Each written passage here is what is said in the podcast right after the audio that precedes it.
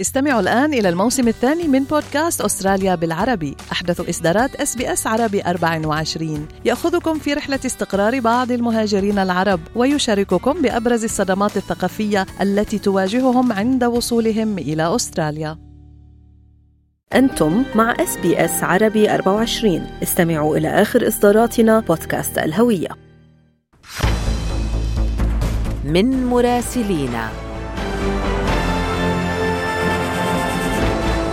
أهلا بكم في رحلتنا الأسبوعية إلى نيويورك أنا بترا توق الهندي. وأنا فارس حسن ويسعدنا أن ينضم إلينا من هناك على الهواء مباشرة مراسلنا محمد السطوحي. أهلا بك محمد. يا أهلا بك يا فارس وبترا وكل المستمعين. يعني محمد أخبار الولايات المتحدة والأجسام الطائرة لم تشغل فقط الشارع الأمريكي وإنما كل العالم يعني بدون مبالغة. شفنا إسقاط للمنطاد الصيني اللي قالت واشنطن أنه كان مخصصا للتجسس. بكين ردت وقالت إنه في مبالغة في رد الفعل ولكن يعني عاد الأمر ليطفو إلى السطح مجددا بعد إسقاط أجسام طائرة ثلاثة تحديدا آه، قرب البيت الأبيض وبلش الحديث عن ال aliens والكائنات الفضائية شو عندك تفاصيل محمد؟ تصور فارس أنه آخر تفصيلة في هذا الموضوع كانت تقرير نشرته الواشنطن بوست اليوم ويشير إلى إنه بالفعل من الممكن إنه تكون الولايات المتحدة بالغت في رد فعلها وإنه هناك احتمال إنه الصين تكون على حق فيما قالته إنه المنطاد ضل طريقه وخرج عن السيطرة واتجه إلى الأراضي الأمريكية. طبعا ليس هناك شيء مؤكد بالنسبة لهذا الموضوع ولكن من الواضح تماما إنه هذا احتمال بدأت السلطات الأمريكية تدرسه لأنه حركة المنطاد منذ انطلاقه كانت ترقبها الولايات المتحدة وإنه كان اتجه ناحية الشمال وناحية كندا ولكن هناك رياح شديدة والأجواء العاصفة والبرودة هي التي دفعته فيما بعد وهذا احتمال قائم إلى أن يتجه جنوبا نحو الأراضي الأمريكية. طبعا آه، هم يتحدثون دون آه، آه، أن يكون هناك أسماء آه، منسوبة إلى أي مسؤول ولكنهم يقولون إنه هذا أحد الاحتمالات التي آه، تبحثها الآن السلطات الأمريكية. لكن يظل الاحتمالات الأخرى قائمة بما فيها بالمناسبة مسألة إنه الينز أو إنه قادم من خارج الأرض آه، من جاء بهذا الكلام كان قائد القوات الأمريكية للمنطقة الشمالية هو لم يقل إنه يعتبر هذا احتمالا لكنه قال إنه he couldn't rule it out. يعني لا يستبعد إنه يظل هناك احتمالات قائمة بما فيها مثل هذا الاحتمال. إنما طبعا آه، آه، آه، أغلب المسؤولين الأمريكيين خرجوا بعدها وقالوا إنهم لا يعتبرون هذا احتمالا مرجحا وإنه هذا مستبعد بالنسبة لأغلبهم وأحد المسؤولين في البيت الأبيض قال إنه لم يرى مسؤولا في مجلس الأمن القومي يتعامل مع هذه الأجسام الطائرة باعتبار أنها من خارج الأرض. فالترجيح الأغلب هو إنه هي جاءت من بعض الدول ربما الصين أو روسيا أو أي دولة لأنه المسألة لم تعد قاصرة على هذا المنطاد الذي أثار عاصفة ومشاكل في العلاقات المتوترة أساسا بين الصين والولايات المتحدة ولكن ثلاثة اجسام تم إسقاطها خلال هذا الأسبوع في ألاسكا وفي كندا وآخر في الولايات المتحدة في ولاية ميشيغان. اذا هناك ظاهرة بدأت تزداد وضوحا والبعض يتساءل لماذا الآن هذه الأجسام وبهذا العدد المتزايد لماذا لم نرى هذه الأجسام من قبل؟ أحد الاحتمالات التي ترجحها أيضا بعض التحليلات هي إنه هناك اهتمام متزايد بعد ما حدث مع المنطاد الصيني بدأ هناك توجيه لأجهزة الرادارات وأجهزة الاستشعار عن بعد لتتبع أي أجسام غريبة كان من الممكن أن تمر في السابق دون الانتباه لها. بدأوا يركزون على أي أجسام من هذا النوع وبالتالي بدأ يلتقط المزيد منها خلال عمليات الاستكشاف التي تمت خلال الأيام الماضية. وبالتالي ظهرت أجسام جديدة ثلاثة أجسام تم إسقاطها بالفعل. وربما خلال الأيام القادمة يتم فحص الأجهزة والمعدات التي كانت على هذه الأجسام وبالتالي تحدد طبيعة الأجهزة الأهداف منها طبيعة الدولة المنشأ التي أرسلتها وبالتالي يمكن الإجابة عن مزيد من الأسئلة المرتبطة بها.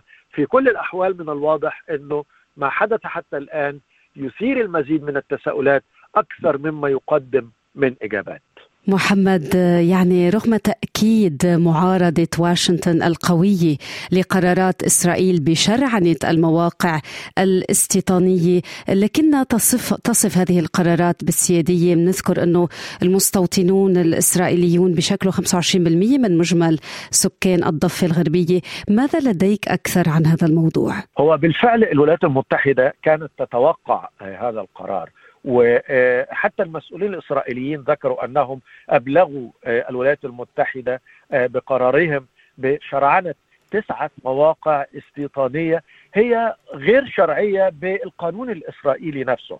وبالتالي هم في الحكومة الإسرائيلية التي هي تعتبر من وجهة نظر الكثيرين بما فيها العديد من الأوساط والدوائر والمسؤولين الأمريكيين هي الأكثر تطرفا في تاريخ إسرائيل.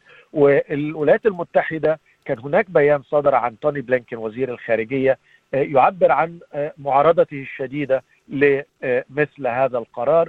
والمتحدث باسم الخارجية الأمريكية نيد برايس في المؤتمر الصحفي بالخارجية أكد على إنه الولايات المتحدة تعارض بقوة مثل هذه القرارات التي من الممكن أن تمثل إعاقة للهدف النهائي الذي تسعى إليه الولايات المتحدة وهو إنشاء دولتين تعيشان جنبا إلى جنب إسرائيل وفلسطين.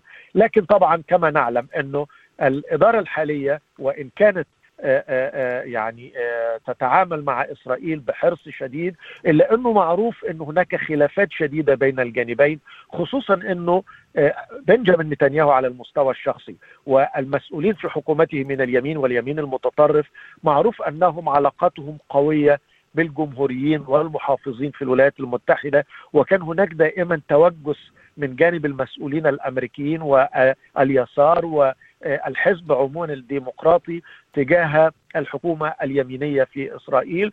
وكان هناك حتى قبل الانتخابات الإسرائيلية كان هناك حرص شديد من إدارة بايدن إنها لا تفعل أي شيء من الممكن أن يتسبب في خسارة اليسار أو الوسط داخل إسرائيل في تلك الانتخابات، لكن ما حدث عمليا إنه هذه الإدارة أو الحكومة الإسرائيلية جاءت على عكس الرغبة الأمريكية والتوتر موجود بالفعل ولكنهم يحاولون العمل معا في ظل هذا التوتر. وكان هناك كلام عن إنه الحكومة الأمريكية عرضت على بنجامين نتنياهو والحكومة الإسرائيلية إنهم يتعاونون معهم بشكل أكبر بالنسبة لإيران وعمليات التجسس والعمليات العسكرية السرية التي تقوم بها إسرائيل في إيران مقابل إنها تخفف من حدة التوتر الموجود في الأراضي الفلسطينية سواء مع غزة أو الضفة الغربية. ولكن من الواضح تماما إنه الحكومة الإسرائيلية الحالية تجعل مثل هذه المشروعات الاستيطانية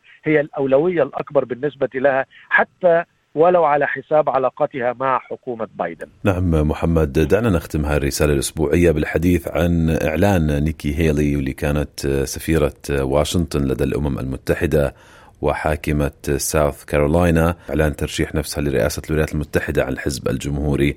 كانت حكت يعني قبل أشهر أنها لن تقف في وجه دونالد ترامب. ولكن يبدو أنها غيرت موقفها صار عندنا مايك بنس أيضا منذ فترة نائب الرئيس السابق مين برأيك حظوظه الأفضل اليوم محمد؟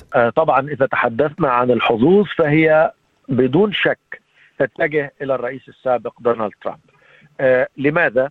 لأنه هناك قاعدة صلبة ثابتة تدعم دونالد ترامب وهذه القاعدة لم يتغير تأييدها له على مدى السنوات الماضية رغم كل ما حاط به من مشاكل وتحقيقات واتهامات والكونغرس اتهمه مرتين وقدم للمحاكمة في مجلس الشيوخ هناك تحقيقات جنائية خاصة به الآن تدور في العديد من الأجهزة سواء في وزارة العدل أو في ولاية نيويورك أو في ولاية جورجيا ولكن كل ذلك لم يغير من دعم القاعدة الصلبة له. هذه القاعدة ربما تمثل 30 إلى 40% ولكن عندما يكون هناك أكثر من مرشح هذه القاعدة تأتي به إلى البيت الأبيض. هذا ما حدث عام 2016 وهذا ما جعل ميت رومني المرشح الجمهوري السابق للرئاسة يحذر من إنه تعدد المرشحين الجمهوريين ربما يأتي بترامب كما جاء به من قبل. فاليوم تأتي نيكي هيلي وهي كما ذكرت حاكمة سابقة لولاية ساوث كارولاينا وسفيرة في الأمم المتحدة. وكانت ترامب هو الذي عينها كسفيرة ولكن الظروف تتغير وهي تشعر الآن أن هذا ربما يكون وقتها لكي تكون أكثر بروزا داخل الحزب حتى لو لم تنجح في النهاية هذا سيجعلها في مكانة مختلفة ربما يتم اختيارها كنائب للرئيس. وتلاحظ أنها تعمدت ألا تأتي بذكره في عملية الإعلان وهي لا تهاجم ترامب على الإطلاق.